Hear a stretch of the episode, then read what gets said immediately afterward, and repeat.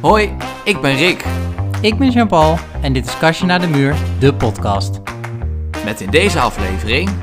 In deze allereerste aflevering gaan we het hebben over kleur. Waarom kies je voor kleur in je interieur? Hoe moet je die kleuren kiezen? En hoe pas je ze toe?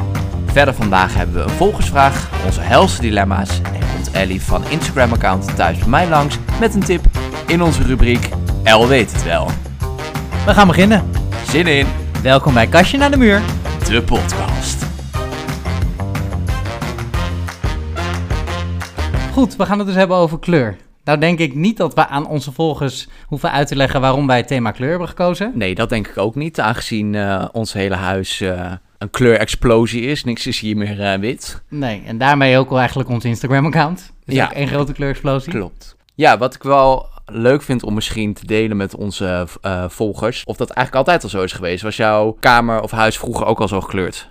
Mm, Ja, voor zover ik me kan herinneren wel. Zodra ik zelf mocht kiezen, zeker vanaf mijn tiende of zo. Volgens mij begon ik met blauw, een blauwe muur met tegenover een gele muur, een soort Ikea. En dan daarna kreeg ik een rode muur met grijs, zilver en allemaal Chinese invloeden. Ja, en, ehm, en ik eindigde mijn oude kamer thuis met eh eh, limegroen en, en wit. Dus ja, Oké. kleur is er zeker wel. En ik weet nog dat ik op kamers ging. In, eerst in de studio ging wonen. En daar toen was ook die hele jaren 70 vibe. Die nu ook weer een beetje in trend is. Die was toen ook. Maar dan op een hele kitscherige manier. Dus ik had heel veel felle kleuren bij elkaar in, eh, in huis. Met zo'n retro knalgroen behang, zeg maar. Met zo'n patroon, weet oh je ja, wel? met van die golven en van die... eh, Ja, dus nee, kleur is er bij mij altijd wel geweest. En bij jou? Ja, bij mij wat minder, denk ik. Mijn lievelingskleur was altijd de lievelingskleur van mijn zus op dat moment. Dus als zij geel mooi vond, dan was dat mijn lievelingskleur uiteraard ook. En ze heeft nooit een lievelingskleur gehad die jij niet mooi vond. Nee, nee, eigenlijk alles wat zij vond, vond ik ook. Mijn ouders hadden vroeger wel een mega kleurrijk huis. Een beetje een, ja, lelijk huis eigenlijk. Met groene tegels op de vloer en een oranje bank. En eh, Typisch voor die tijd, denk ik. Ja, nou ja, weet ik niet zo goed. Maar het was in ieder geval, eh, als ik er nu op terugkijk, denk ik... Oeh, mam, had je dat nou wel moeten doen? Nou ja, goed, het was wel altijd heel gezellig. Maar nu hebben ze dat niet meer. Nee, dat is nu echt totaal tegenovergesteld. Het is nu allemaal grijs, beige. Ik denk toch dat het voor veel mensen een grote stap is om echt grote wanden in de kleur te zetten.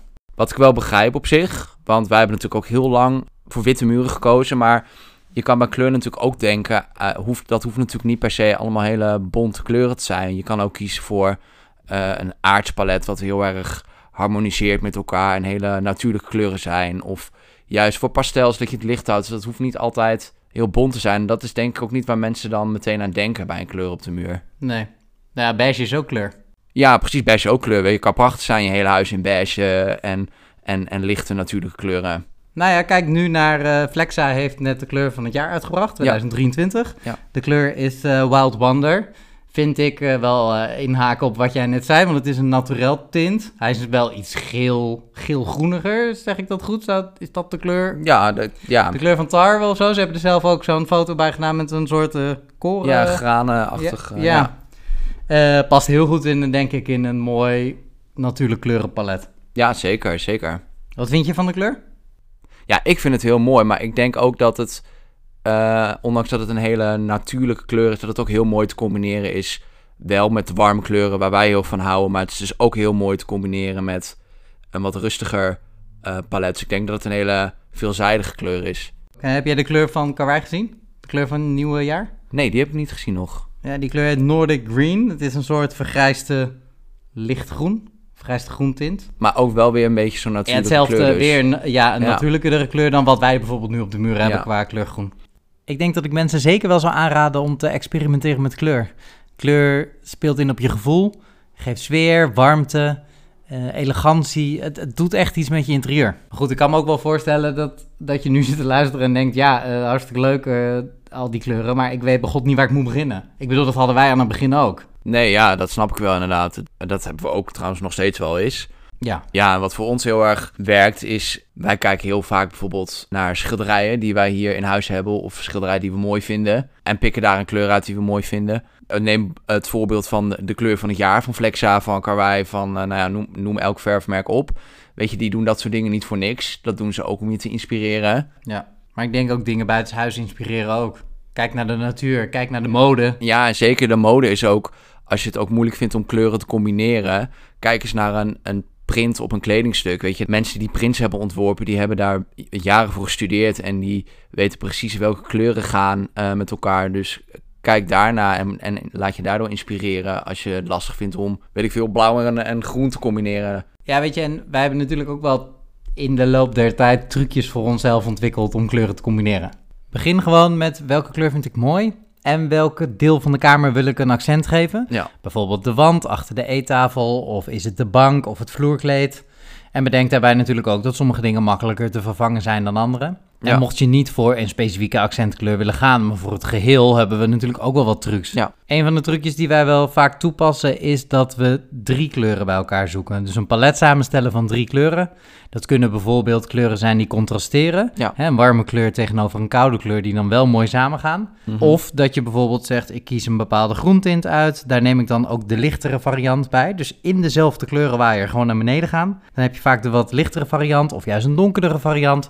Dus dat je met kleurtinten binnen één kleur werkt. De slaapkamer is bijvoorbeeld een goed voorbeeld van een ruimte waar we hebben gewerkt vanuit drie kleuren. Wij wouden heel graag een warme tint in de slaapkamer, dus we kozen voor eh, oranje. Eh, gewoon omdat we dat allebei een hele mooie kleur vonden. Toen vonden we op de kleurenwand in de bouwmarkt een hele mooie, eh, beetje paars-rozige tint. Die heel mooi combineerde met het oranje. Daarvan hebben we twee kleuren gekozen. Eentje wat donkerder en eentje wat lichter. Maar omdat we niet alles in de slaapkamer in die warme tint bouwen, hebben we ook gekozen voor een blauw dekbed. Voor een beetje eh, tegenkleur.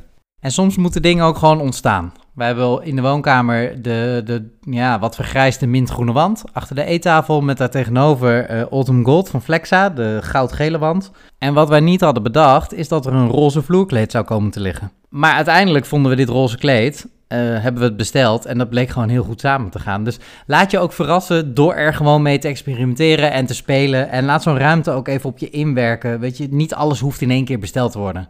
En wat wij altijd wel belangrijk vinden is met accentkleuren of met het introduceren van nieuwe kleuren, is dat je minimaal op drie verschillende plekken in de ruimte toevoegt. Wij hebben sinds kort lila toegevoegd aan ons interieur. En dat hebben we heel bewust in drie verschillende items eh, verwerkt. Zoals een, het paarse kussentje op de bank, eh, de paarse kandelaren. En het komt terug in de poster aan de wand. En tot slot een hele praktische tip. Mocht je meteen met grof geweld de muren in, eh, in de kleur gaan zetten... in plaats van dat je begint met wat accessoires...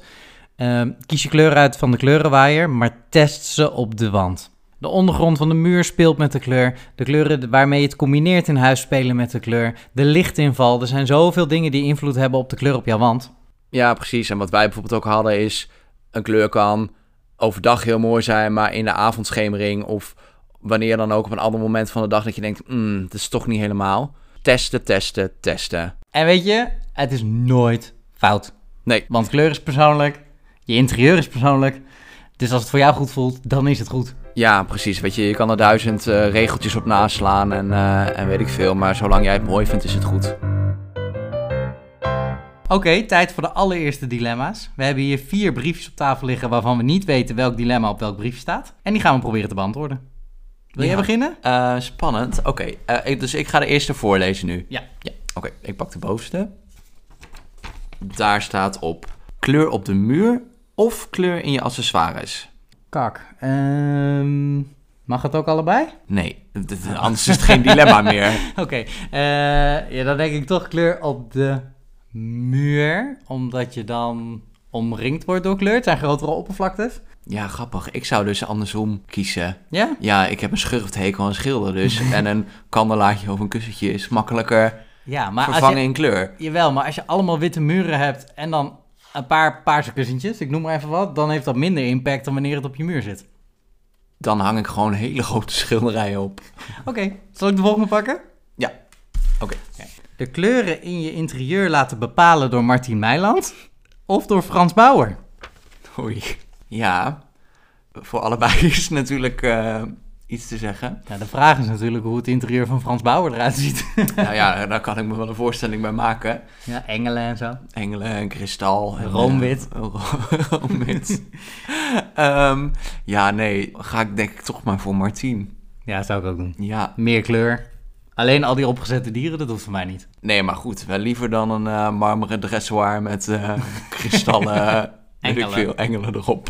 No offense voor de mensen die van engelen houden. Nee, oké, dus eh, het wordt maar tien. Ja, Martien? Ja. Oké. Nou, volgende. Oh, dit zijn er heel veel. Oh. Wacht, je moet kleuren gaan kiezen. Dus ik ga nu kleuren opnoemen. Twee. En dan moet jij elke keer eh, kiezen welke je de mooiste vindt, denk ik. Kies je kleur, beige of grijs? De allebei niet mijn lievelingskleuren, maar ik vind beige iets warmer. Eh, paars of roze? Eh, jij zou voor paars gaan. Eh, ik denk ik voor roze. Maar dan geen babyroze. En dan de laatste, neon of pastel? Oh. Nou, in mijn kleren hou ik best wel van wat felle kleuren. Dus dan zou ik eerder voor neon gaan. Alhoewel neon wel heel overdreven is. Ja, we hebben het nu niet over je kledingkast, hè? Ik probeer gewoon... Oké, pastel. En waarom? Ja, dat kan heel mooi zijn. Ik weet niet of het, ja, ik weet niet of het kleuren voor ons zijn, maar je, ik zie best wel op Instagram ook veel mooie pastelkleurige huizen voorbij komen. Als het maar niet te zoet is. Oké. Iedere maand alle muren schilderen of voor altijd de muren wit. Nou heb ik net gezegd dat ik een schurftekel heb aan schilderen.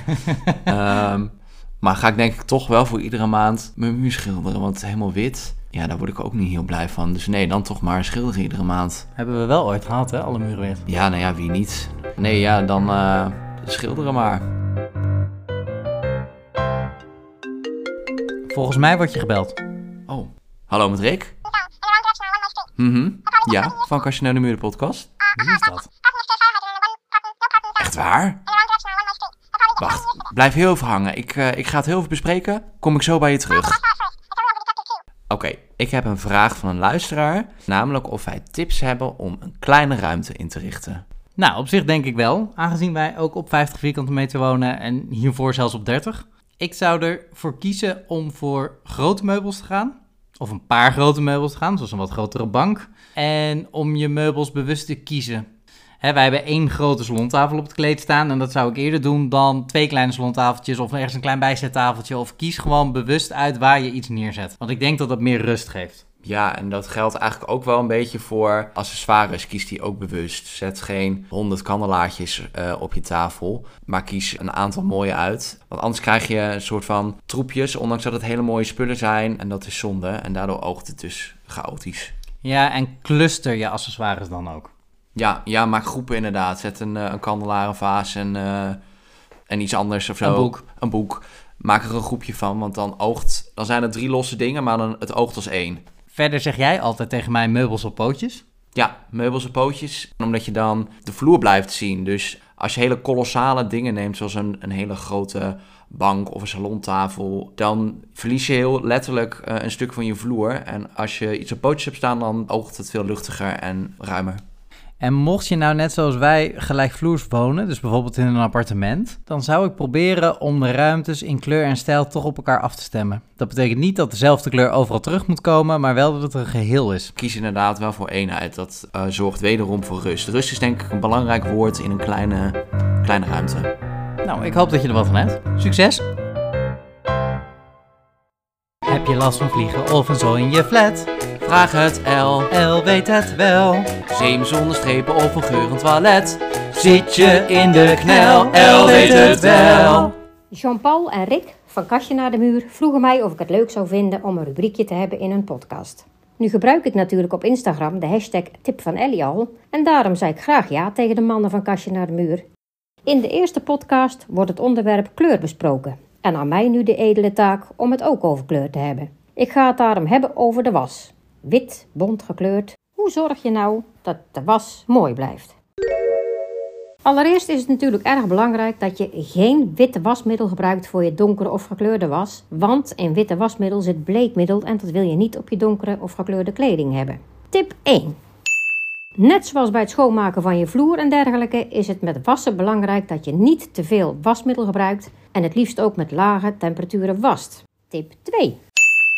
Doe alle rits en knopen dicht van je kleding en draai ook je kleding binnenstebuiten. Hierdoor zal er veel minder wrijving zijn met het wasgoed en blijven jouw kleuren mooier. Want wrijving zorgt voor slijtage en dat ga je natuurlijk zien. Tip 3. Droog witte was, als het kan, lekker buiten in het zonnetje. De kracht van de zon zal jouw kleding doen bleken en dus ook witter maken. Hang gekleurde en donkere kleding daarentegen binnen te drogen of buiten op een schaduwrijk plekje. Tip 4. Heb je een nieuwe spijkerbroek gekocht en heb je ook nog oude spijkerbroeken die al vervaagd zijn? Stop dan al je broeken bij elkaar in de was en doe je nieuwe broek erbij. Want de kleur die van je nieuwe broek afkomt, die zal gaan hechten op je oude broeken en zo zien ze er allemaal weer mooi uit. En de laatste tip is misschien wel het belangrijkste.